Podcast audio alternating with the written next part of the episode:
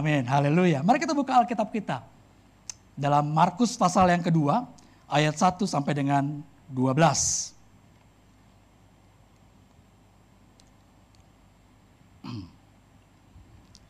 Sudah dapat? Kalau sudah kita akan baca. Yang pria baca ayat yang pertama, yang wanita ayat kedua. Demikian seterusnya sampai dengan ayat yang ke-12. Yang pria terlebih dahulu. Biasanya ladies first. Tapi kali ini please man first. ya. Oke, yang pertama. Satu, dua, tiga pria ya. Kemudian sesudah lewat beberapa hari, waktu Yesus datang lagi ke Kapernaum, tersiarlah kabar bahwa ia ada di rumah.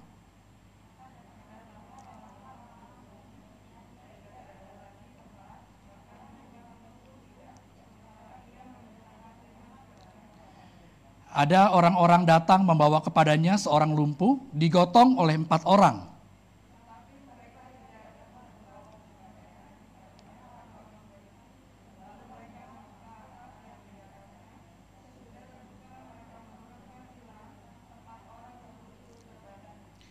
Ketika Yesus melihat iman mereka, berkatalah ia kepada orang lumpuh itu, "Hai anakku, dosamu sudah diampuni."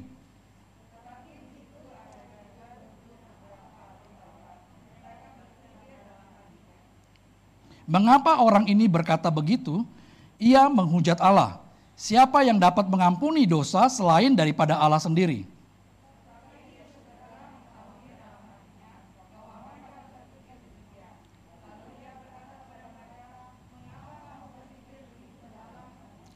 Manakah lebih mudah mengatakan kepada orang lumpuh ini, dosamu sudah diampuni, atau mengatakan bangunlah, angkatlah tilammu dan berjalanlah.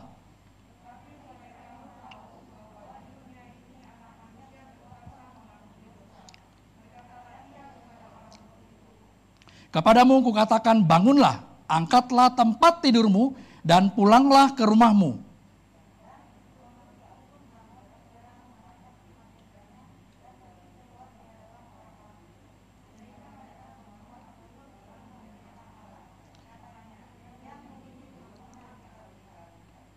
Iya. Bapak Ibu Saudara sekalian, nah Alkitab pada hari ini ya firman Tuhan mengajarkan kepada kita mengenai sebuah perikop yang terambil dari Markus pasal yang 2 ayat 1 sampai 12 mengisahkan bagaimana Tuhan Yesus melayani di Kapernaum. Ya Kapernaum itu adalah sebuah wilayah atau sebuah kota di daerah Galilea. Nah, Galilea merupakan pusat daripada pelayanan Tuhan Yesus. Di sanalah Yesus banyak beroperasi, bergerak melayani uh, orang-orang dari kota ke kota. Kapernaum, Nazaret itu di daerah Galilea, Kana juga di Galilea. Jadi Tuhan Yesus berputar-putar sekitar situ. Kenapa? Karena Galilea ini daerah strategis Ya, orang dari Mesir sampai dengan orang dari Asyur itu biasanya melintasi daerah ini. Jadi ini adalah sebuah daerah yang strategis dan ini dipilih oleh Tuhan Yesus karena Tuhan Yesus punya rencana yang besar atas kota ini dan di sanalah terdapat sebuah rumah di mana dia bisa menumpang ya di rumah Petrus atau di rumah Andreas atau di rumah Yohanes atau di rumah Yakobus karena mereka semua adalah orang-orang dari Kapernaum. Nah, ketika firman Tuhan berkata, Kemudian sesudah lewat beberapa hari waktu Yesus datang lagi ke Kapernaum, tersiarlah kabar bahwa ia ada di rumah. Jadi sebelumnya Yesus sudah pergi dulu ke tempat-tempat lain. Yesus pergi dulu melayani di tempat-tempat lain dan kemudian dia mengusir setan, dia menyembuhkan orang dan kemudian dia balik kembali kata firman Tuhan ke Kapernaum. Apa yang dia lakukan di Kapernaum? Dia masuk ke sebuah rumah dan rumah ini di rumah ini dia kemudian diserbu sama banyak orang. Ayat yang kedua, firman Tuhan berkata begini, maka datanglah orang-orang berkerumun sehingga tidak ada lagi tempat.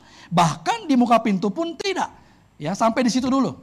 Bapak Ibu Saudara sekalian, firman Tuhan ingin menjelaskan kepada kita bahwa ketika Yesus kembali ke Kapernaum dan masuk ke sebuah rumah, ya. Nah, eh, perlu sedikit catatan buat kita semua.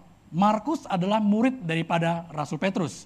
Jadi besar kemungkinan ketika Markus karena Injil Markus lah yang mencatat detail kejadian peristiwa di mana Yesus menyembuhkan orang yang sakit lumpuh ini. Jadi kemungkinan uh, ini berada di rumah Petrus ya. Kemungkinan ini hanya diduga saja. Nah, waktu Markus mencatat hal seperti ini, Markus sedang ingin menggambarkan kepada setiap pembacanya atau setiap orang-orang yang melihat kejadian ini bahwa Yesus sekalipun dia sibuk, sekalipun dia punya banyak uh, hal yang ingin dia kerjakan untuk mengajari tentang kerajaan Allah. Tapi tetap ketika dia ingin istirahat, dia masih bisa menyediakan waktu untuk setiap orang-orang yang ingin bertemu dengan dia. Kenapa? Karena ketika ayat 2 ini dicatat, maka datanglah orang-orang yang berkerumun sehingga tidak ada lagi tempat, bahkan di muka pintu pun tidak. Jadi orang berbondong-bondong, begitu mereka tahu Yesus ada di rumah, langsung semuanya datang. Saudara bisa bayangkan. Tapi Yesus tidak mengusir mereka. Yesus tidak menolak mereka.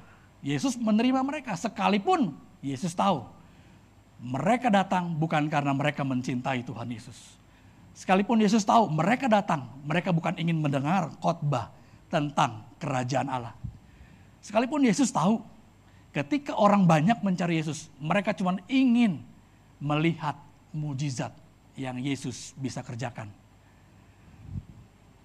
Saudara, ini luar biasa Tuhan kita. Ya, Siapa pun ketika ingin datang bertemu dengan Tuhan Yesus, dia tidak, tidak akan pernah menolak. Tidak akan pernah menolak. Dia pasti akan menerima kita. Walaupun kita datang dengan motivasi-motivasi yang salah. Ada orang yang mungkin datang ke gereja mencari Tuhan, mungkin pengen ketemu jodoh. Ada orang mungkin datang ke gereja pengen uh, supaya usahanya dibangkitkan kembali. Ada orang mungkin yang datang cari Tuhan supaya dia bisa dibebaskan dari hutang.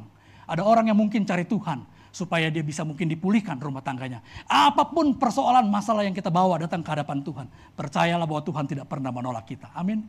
Tuhan selalu terbuka dan Tuhan selalu menerima kita dan dia selalu ingin memulihkan kita. Wow, luar biasa dan saya tidak nggak tahu hari ini kita datang ke tempat ini dengan motivasi apa? Dengan motivasi apa? Dan bukan juga sebuah uh, apa namanya hak atau atau uh, kita bisa diizinkan untuk menghalangi orang-orang yang mau datang kepada Tuhan. Oh kamu motivasinya nggak benar, oh kamu nggak boleh dulu datang ke rumah Tuhan, nggak boleh. Kenapa? Karena Tuhan hanya mencari, Tuhan hanya memulihkan orang-orang yang punya motivasi benar. Enggak, nggak begitu Bapak Ibu Saudara sekalian. Siapa pun Tuhan akan sambut dengan tangan yang terbuka. Dan dia siap untuk pulihkan orang-orang yang haus seperti ini. Tapi perhatikan, perhatikan. Ayat yang kedua ini disambung dengan kata begini. Sementara ia memberitakan firman kepada mereka. Nah, tema kita pada hari ini yaitu kejar dan dapatkan. Poin pertama yang saya ingin bagikan buat setiap kita dari perikop ini adalah ketika kita datang kepada Tuhan dengan segala keinginan kita, Tuhan tidak pernah langsung menjawab apa yang jadi keinginan kita. Tuhan tidak serta-merta langsung memberikan apa yang jadi keinginan kita. Mereka yang datang dengan kondisi mata buta nggak langsung disembuhin, Bapak Ibu Saudara sekalian. Mereka datang dengan ketimpangan nggak langsung disembuhin. Kenapa? Karena firman Tuhan mencatat ketika mereka mencari Yesus, hal pertama yang terpenting untuk kita bisa mengejar dan mendapatkan apa yang menjadi harapan kita adalah Tuhan memberikan apa yang terpenting menurut dia. Sekali lagi, Bapak Ibu Saudara sekalian, ketika kita datang dengan segala keinginan kita, maka hal pertama pastikan bahwa Tuhan hanya menjawab apa yang terpenting menurut Tuhan. Dan pada bagian ini kita bisa temukan bahwa hal yang terpenting terpenting menurut Tuhan adalah memberitakan firman. Meletakkan sebuah dasar dan firman Tuhan adalah sebuah hal yang terpenting dalam kehidupan kita. Saudara bisa bayangkan, nah ada sebuah kisah di dalam uh, Mark, uh, Lukas pasal yang ke-9, Bapak Ibu Saudara sekalian bisa temukan itu, nggak perlu dibuka. Lukas pasal yang ke-9, di sana diceritakan mengenai uh, Yesus memberikan, uh, mengubah lima roti dan dua ikan menjadi uh, begitu berlimpah untuk makan lima ribu orang laki-laki. Saudara kejadiannya sama, orang banyak berkumpul. Waktu orang banyak berkumpul, Yesus bisa saja langsung menyembuhkan mereka, tapi Yesus tidak melakukan itu. Apa yang dia lakukan? Dia mengajar terlebih dahulu. Yesus mengajar terlebih dahulu. Yesus memberitakan firman terlebih dahulu. Kenapa? Karena bagi Yesus ini yang terpenting. Bagi Yesus firman Tuhanlah yang terpenting dalam kehidupan kita. Saudara, banyak orang yang datang sama Tuhan, Tuhan, saya mau Tuhan supaya saya dibebaskan dari hutang saya. Oh hari-hari ini kita banyak sekali bakal mendengar orang-orang yang mungkin bercerita tentang hutangnya yang begitu banyak. Atau mungkin kita uh, mendengar Tuhan, seruan orang-orang yang berdoa, Tuhan tolong Tuhan. Saya ingin dipulihkan keluarga saya. Tapi ingat, Bapak Ibu Saudara sekalian. Sebelum Tuhan mengabulkan apa yang menjadi doa kita. Tuhan akan berikan dulu hal yang terpenting menurut pandangannya dia. Dan hal terpenting itu adalah firman Tuhan. Hal ini sering kali yang menjadi hal yang dilupakan oleh banyak orang. Setelah 2 Timotius pasal 3 ayat 16, firman Tuhan berkata begini, segala tulisan yang diilhamkan Allah bermanfaat untuk mengajar, menyatakan kesalahan, dan memperbaiki kelakuan untuk mendidik orang dalam kebenaran. Perhatikan ini yang Tuhan sedang kerjakan dalam kehidupan kita. Apa artinya ketika kita dipulihkan, ya, di dalam keluarga kita, apa artinya ketika kita uh, hutang kita bisa Tuhan selesaikan? Dan kemudian karena kita tidak mengalami pengajaran daripada firman Tuhan, firman Tuhan tidak pernah mengoreksi hidup kita, firman Tuhan tidak pernah menyatakan hal yang salah dalam kehidupan kita, kita menjadi orang yang liar dan kemudian ketika sudah dipulihkan dan kemudian kita jatuh lagi di dosa yang sama. Setelah saya menangani seorang pasangan, ya seorang pasangan, ribut rumah tangganya karena sang suami selingkuh. Sang suami selingkuh. Saudara ngeri sekali waktu saya mendamaikan mereka itu bisa sampai pukul-pukulan, Bapak Ibu Saudara sekalian. Wah, pukul-pukulan.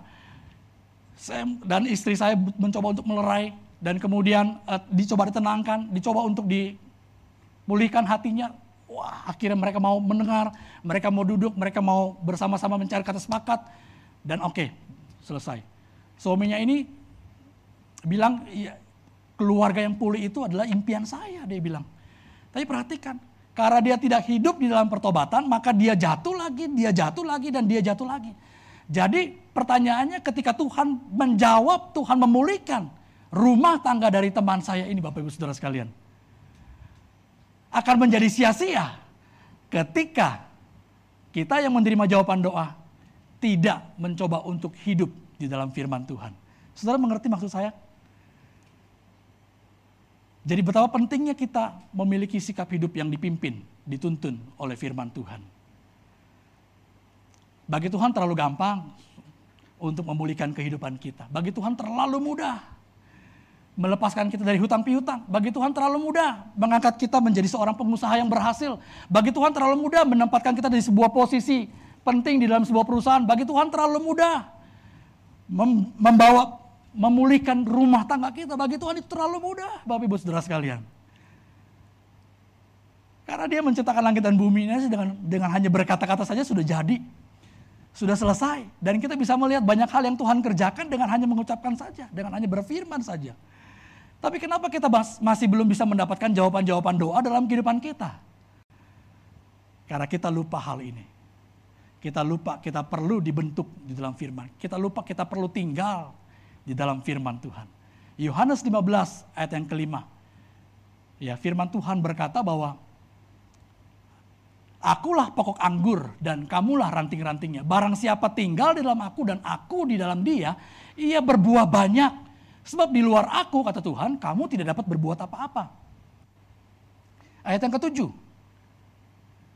Jikalau kamu tinggal di dalam aku dan firmanku tinggal di dalam kamu, mintalah apa saja yang kamu kehendaki. Dan kamu akan menerimanya. Di mana poin pentingnya Bapak Ibu Saudara sekalian? Tinggal di dalam firman Tuhan. Tinggal di dalam firman Tuhan. Saudara lebih suka mana? Mempekerjakan seorang pegawai yang belum pernah di training atau mempekerjakan pegawai mempercayakan sebuah posisi yang penting kepada dia, kepada pegawai yang sudah pernah di training, sudah pernah punya pengalaman, sudah pernah dibentuk, sudah pernah dibekali. Saudara lebih pilih mana? Kalau saya, saya pasti lebih pilih pegawai yang sudah pernah di training, sudah pernah dibentuk. Dan inilah gunanya firman Tuhan dalam kehidupan kita. Kita perlu ditinggal dalam firman Tuhan. Kenapa? Karena firman Tuhan akan menyatakan kesalahan-kesalahan kita. Firman Tuhan akan menanamkan, oh mengajar kita tentang pentingnya penguasaan diri. Firman Tuhan mengajarkan kita tentang pentingnya sebuah ketekunan. Firman Tuhan mengajarkan kita tentang pentingnya menjaga diri kita. Firman Tuhan mengajarkan kita membawa mengubah setiap pola pikir kita yang salah. Dan firman Tuhan inilah yang memerdekakan kita. Dan ketika kita sudah dibekali, ketika kita sudah dibentuk, ketika kita sudah menjadi pribadi yang dewasa, ketika kita sudah menjadi pribadi yang matang, saya mau tanya Pak, Bu, berani nggak kita percayakan sesuatu kepada orang yang sudah matang hidupnya? Berani gak kita percayakan sesuatu kepada orang yang sudah dewasa hidupnya? Pasti kita akan lebih berani, betul? Ibu-ibu saya mau tanya, kan kebanyakan kita berdoa, Tuhan tolong angkat ekonomi keluarga saya. Tuhan berkati dong, berlimpah-limpah sama seperti si A. Bisa punya mobil baru, bisa pindah rumah baru, Bahkan bukan cuma bisa punya rumah, dia bisa punya aset-aset yang lain bertambah-tambah. Tuhan saya mau dong. Kita kan suka, ber, suka berdoa begitu ya, dan saya percaya ini pasti harapan semua orang. Tapi apa artinya sebuah kesuksesan ketika pada akhirnya ya karena kita tidak mengalami pembentukan penanaman firman Tuhan yang kuat dalam kehidupan kita, suatu saat kita akan melihat oh ternyata setelah sukses suami kita nakal main sama orang lain. Main sama perempuan lain, main bekel, main congklak kan main sama perempuan lain, Bapak Ibu sekalian. Gak ada artinya. Tapi kita akan lebih kuat, kita akan lebih yakin, kita akan lebih bisa dipercaya sama Tuhan untuk menerima sebuah perkara yang besar ketika kita setia dalam sebuah perkara yang kecil, yaitu kita membentuk hidup kita di dalam otoritas firman Tuhan. Amin Bapak Ibu Saudara sekalian. Yang berikutnya,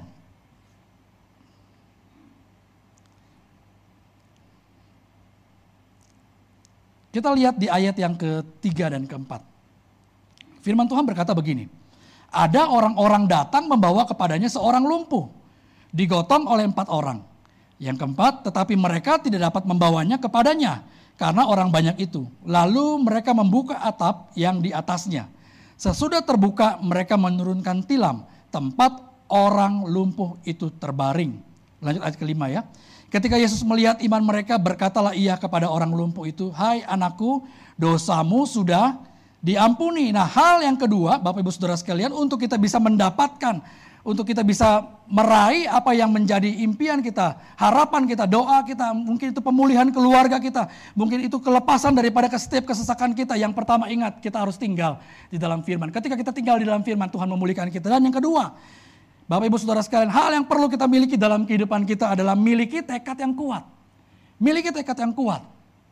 Kenapa? Pada karena pada ayat yang ketiga, ayat yang keempat firman Tuhan berkata begini. Waktu empat orang membawa seorang yang lumpuh, mereka memasuk ke dalam sebuah rumah, mereka tahu bahwa ini sebuah rumah sudah dipenuhi sama orang banyak, bahkan sampai muka pintu firman Tuhan catat. Jadi mereka nggak punya kesempatan untuk bisa masuk sampai bertemu berhadapan muka dengan Yesus. Jadi apa yang dia lakukan? Yang dia lakukan adalah dia berusaha untuk mencoba agar si lumpuh ini bisa dapat langsung bertemu dengan Tuhan Yesus. Nah, ciri daripada orang yang punya tekad yang kuat, Bapak Ibu Saudara sekalian. Yang pertama adalah dia adalah tipe orang yang tidak mudah menyerah. Saudara perhatikan apa yang dia lakukan. Dia nggak berhenti, dia nggak nggak cuma sekedar waktu bertemu dengan halangan dan kemudian dia berkata, oh sudah, ini udah terlalu rame, udahlah kita balik aja. Besok-besok kita datang lagi. Enggak. Alkitab nggak mencatat seperti itu. Sama seperti ketika kita bertemu dengan Tuhan, Bapak Ibu Saudara. Sama seperti ketika kita mencoba melakukan sesuatu. Ketika kita bertemu dengan halangan, ketika kita bertemu dengan rintangan, jangan pernah menyerah miliki sebuah tekad yang kuat. Sama seperti orang yang lumpuh ini yang dibawa oleh empat orang. Karena dia ketika menemukan sebuah kendala, dia berpikir dengan keras. Maka ciri yang kedua daripada orang yang punya tekad yang kuat adalah dia selalu berusaha mencari jalan keluar. Dia selalu berusaha mencari jalan keluar. Oke, kenyataan di hadapan kita bahwa orang begitu banyak mengerubungi rumah itu. Kita nggak boleh nyerah nih. Tapi kita juga harus cari jalan keluar. Bagaimana caranya supaya saya bisa bawa orang lumpuh ini? Bagaimana caranya supaya kita bisa bawa orang lumpuh ini bertemu dengan Yesus? Setelah saya jadi teringat tentang sebuah kisah yang lain, yaitu sebuah uh, kisah tentang si Sakeus. Bapak saudara sekalian pasti pernah dengar cerita ini. Sakeus juga sama, berusaha untuk mencoba melihat Yesus. Siapakah Yesus itu? Waktu dia tahu orang begitu banyak mengelilingi Tuhan Yesus, dia memilih jalan lain, kata firman Tuhan. Dia memilih jalan lain dan kemudian dia memutari jalan itu dan kemudian dia memanjat sebuah pohon ara. Ada sebuah kisah lagi. Bartimeus, waktu dia sedang meminta-minta di pinggir jalan, seorang pengemis yang buta, firman Tuhan catat. Waktu Yesus lewat ke sana, dia tahu Yesus ada di sana, dikerubungi oleh orang banyak dan dia nggak bisa lihat bagaimana Yesus, di mana posisinya. Apa yang dia lakukan? Dia berteriak, dia berseru, dia memanggil nama Yesus. Yesus anak Daud kasihanilah aku. Orang banyak suruh dia diam. Dia berhenti, dia menyerah. Enggak, Bapak Ibu Saudara sekalian. Apa yang dia lakukan? Dia berteriak semakin keras. Firman Tuhan mencatat dia berteriak semakin keras. Dia cari jalan keluar. Dan jalan keluarnya adalah berteriak dengan semakin keras. Kenapa? Karena matanya buta. Dia nggak bisa lihat. Dan kisah empat orang yang membawa seorang lumpuh ini juga sebuah kisah yang sama. Yang menceritakan bagaimana dia memiliki sebuah tekad yang kuat, mencari jalan keluar. Saya ingin kasih lihat sebuah gambar buat kita semua ya. Sebuah bangunan zaman dulu seperti apa. Silakan ditayangkan gambarnya. Iya. Jadi bangunan uh, orang-orang Israel pada zaman dulu seperti ini Bapak Ibu Saudara sekalian. Ya, sebuah bangunan kotak kemudian sisi dindingnya itu dipenuhi dengan apa namanya tanah liat atau lumpur dengan kayu-kayu balok sebagai pondasinya dan kemudian atapnya itu rata. Dipasangi hanya jerami, rumput-rumput dan uh, banyak dari beberapa dari mereka itu kadang eh, kadang-kadang suka bersantai di atas dari atap rumah mereka. Yaitu sebabnya kenapa di Amsal banyak sekali mencatat uh, orang-orang yang duduk di soto rumah. Nah ini dia kira-kira gambarannya. Nah dia tahu bagaimana kondisi rumahnya, empat orang ini tahu bagaimana kondisi rumahnya dan kemudian dia memilih mengambil sebuah jalan di samping yaitu ada sebuah tangga yang bisa membawa orang lumpuh ini naik ke atap. Saudara, dia cari solusi dan dia temukan solusi dan kemudian dia mencoba untuk naik ke atas. Sampai di atap, apa yang dia lakukan? Firman Tuhan mencatat dia membuka atap. Terjemahan yang lain, dia membongkar atap. Terjemahan yang lain lagi mengatakan bahwa dia menggali atap daripada rumah itu. Jadi digalilah atap rumah itu. Saudara bayangin ini bukan rumah dia. Ini bukan bukan uh, asetnya dia. Dia perlu rombak, dia dia perlu dia perlu rapikan kembali kalau seandainya tuan rumah itu tidak terima Bapak Ibu Saudara sekalian. Jadi ciri yang ketiga dari orang yang punya tekad yang kuat. Dia adalah orang yang berani mengambil resiko. Dia ambil resiko itu Bapak Ibu Saudara sekalian. Dia bawa orang yang lumpuh, temannya lumpuh dan kemudian dari ke atap. Dia menggali, dia membobok dan kemudian dia menurunkan temannya dengan perlahan-lahan dari tilam sampai tepat di depan Tuhan Yesus. Saudara, sebuah tekad yang kuat adalah sebuah tekad yang Tuhan ingini ada di dalam kehidupan kita. Kadang-kadang ketika kita menjalani kehidupan kita, kita bertemu dengan halangan, kita bertemu dengan rintangan.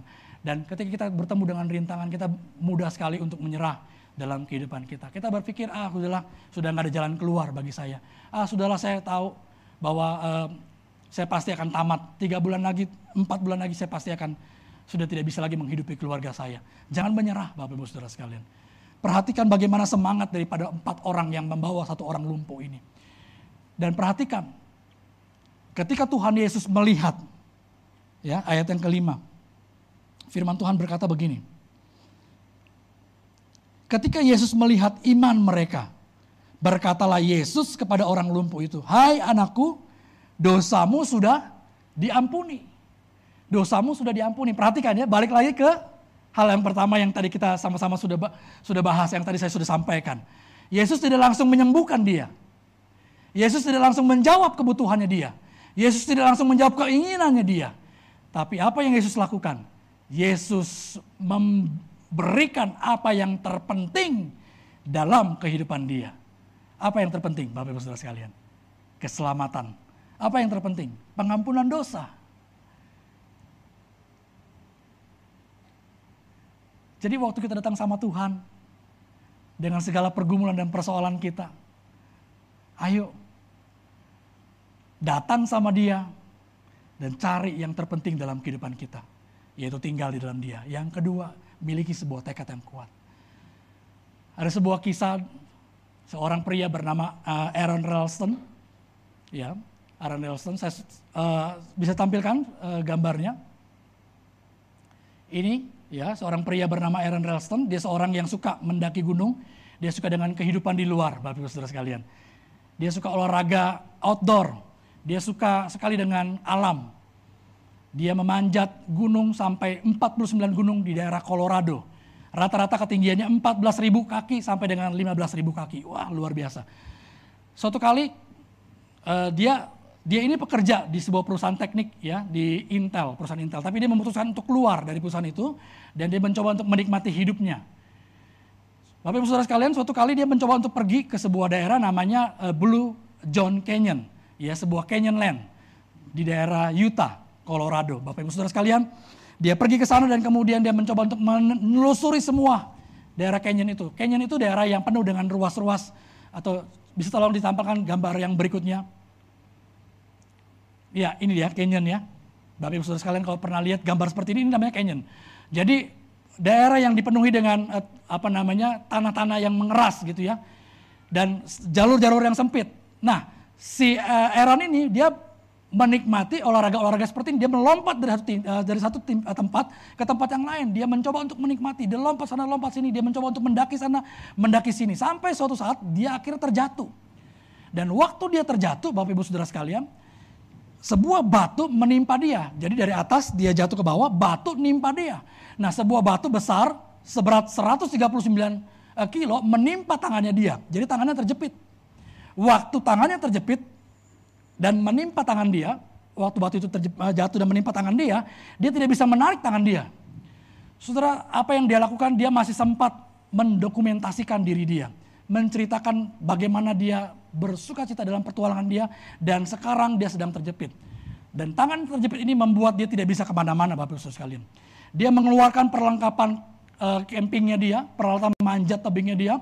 Dia keluarin tali, dia keluarin uh, apa namanya katlornya dia untuk mencoba mengangkat batu itu agar bisa melepaskan tangan dia dari jepitan itu. Dia semakin mencoba, semakin mencoba, dia dorong-dorong itu batu, nggak, nggak bisa juga bergerak batunya. Nggak bisa juga terangkat batunya. Saudara tahu apa yang dia lakukan? Dia tidak putus asa. Di hari yang kelima, Bapak Ibu Saudara sekalian, hari pertama dia gagal, hari kedua dia gagal, hari ketiga gagal, hari keempat gagal, hari kelima dia gagal. Bahkan semua makanannya sudah habis. Dia bahkan harus minum urinnya sendiri, air seninya sendiri. Dia harus minum supaya dia bisa hidup.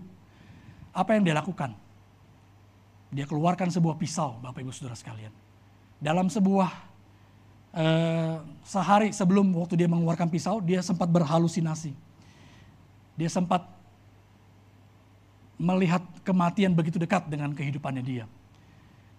Jadi ditakut-takuti dengan hati nuraninya Bapak Ibu Saudara sekalian. Dia berkata bahwa saya akan mati, saya akan binasa, saya sudah tidak akan bisa hidup lagi. Dan apa yang dia lakukan? Dia keluarkan pisau itu, dia bilang saya tidak boleh mati. Saya tidak boleh mati dan saya harus hidup. Dan yang dia lakukan adalah dia memotong tangannya dia.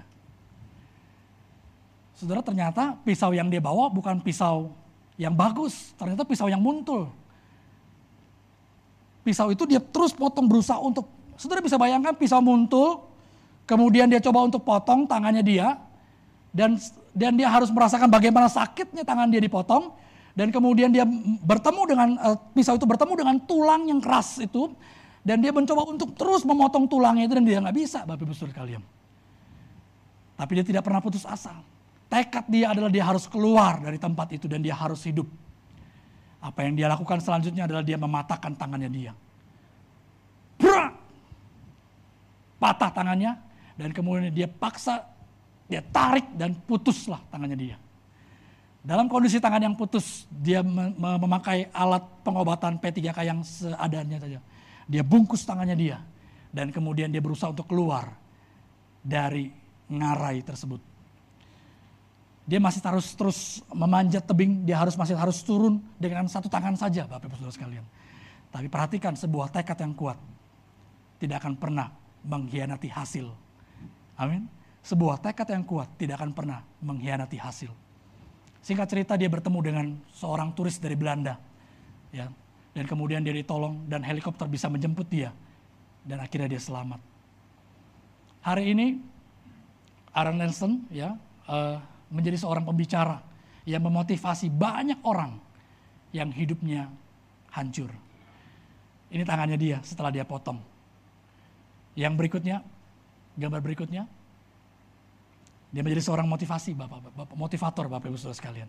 Dan dia memberkati banyak orang karena sebuah tekad yang kuat untuk hidup. Bapak Ibu Saudara sekalian, saya tidak tahu apa yang sedang kita hadapi saat ini. Tapi dengar baik, selalu ada kesempatan untuk kita bisa datang kepada Tuhan. Kenapa? Karena yang kita ikuti, yang kita sembah adalah Tuhan Allah yang hidup. Saudara, dia bukan hanya bisa menyembuhkan kita, dia bukan cuma bisa sekedar memberikan apa yang menjadi kebutuhan dalam kehidupan kita. Bahkan dia menyediakan sebuah tempat surga yang luar biasa bagi setiap kita. Sekalipun mungkin kita mengalami penderitaan di muka bumi ini dan tidak ada jalan keluar. Sekalipun sakit penyakit harus merenggut nyawa kita.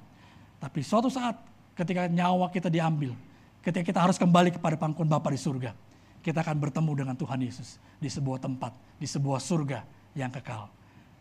Amin, Bapak Ibu Saudara sekalian. Mari simpan Alkitab kita, kita bangkit berdiri bersama-sama.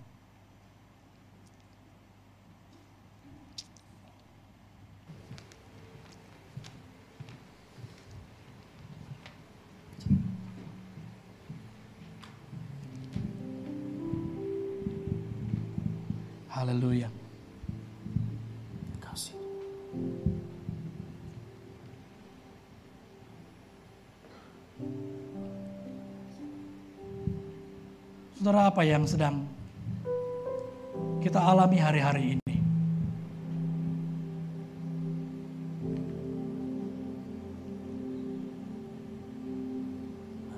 Tinggallah di dalam firman Tuhan dan izinkan Tuhan membentuk kita melalui firman-Nya.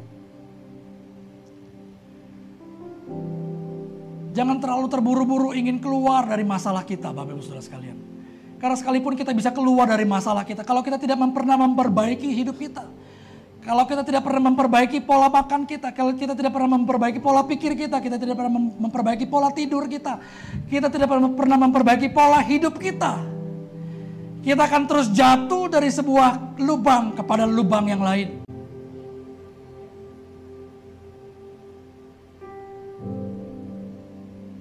Itu sebabnya kenapa Tuhan tidak cepat-cepat menjawab setiap doa kita. Karena dia tahu ada sesuatu yang harus diperbaiki dalam kehidupan kita.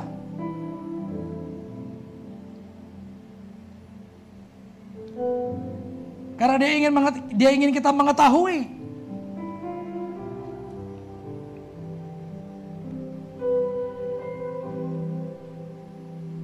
Permasalahannya bukan di pekerjaanmu, Perso persoalannya bukan di pasanganmu. Persoalannya bukan di gajimu. Persoalannya bukan di penghasilanmu. Tetapi persoalannya adalah lebih terletak kepada dirimu sendiri.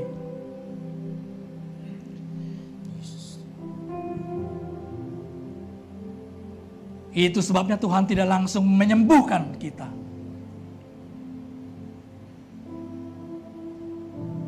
Itu sebabnya kenapa Tuhan tidak langsung memulihkan kita.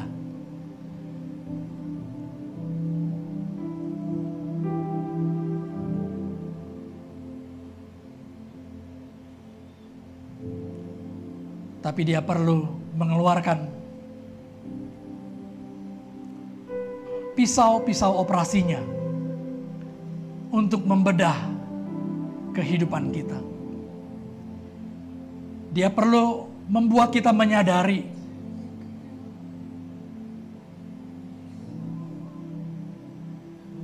kekurangan-kekurangan dan kelemahan-kelemahan kita. Coba kamu perbaiki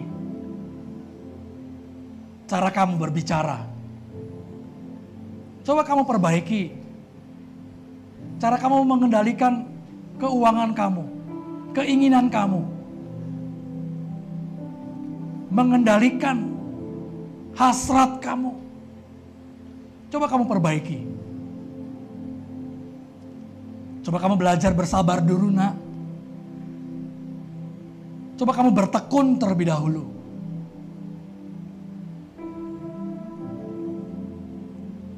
Coba kamu redam emosi kamu. Bangun karakter-karakter yang sesuai dengan firman Tuhan. Ketika kita tinggal di dalam firman Tuhan, firman Tuhan berkata bahwa apa saja yang kita ingini, Tuhan akan berikan dalam kehidupan kita. Tapi terlebih dahulu kita harus tinggal di dalam dia. Terlebih dahulu kita harus dibentuk oleh firman Tuhan. Miliki tekad yang kuat untuk berubah miliki tekad yang kuat, keinginan yang kuat, bahwa suatu saat kita bisa menjadi pribadi yang dewasa di hadapan Tuhan. Keinginan yang kuat untuk berusaha mengalahkan setiap keinginan daging kita. Keinginan yang kuat untuk setiap mengalahkan setiap persoalan dalam kehidupan kita. Keinginan yang kuat untuk mencari cara bagaimana saya bisa mengendalikan diri saya. Bagaimana saya bisa mengatur keuangan saya. Bagaimana saya bisa mengatur, mengendalikan mulut saya. Perkataan-perkataan yang keluar dari lidah saya.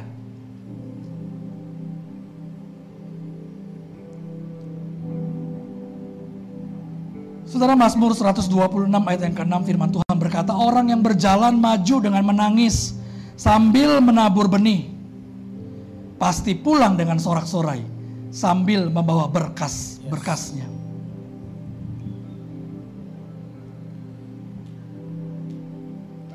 Saudara mau pulang membawa berkas-berkas daripada Tuhan.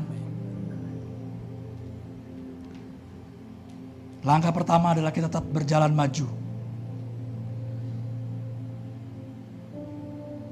Sambil terus kita menaburkan benih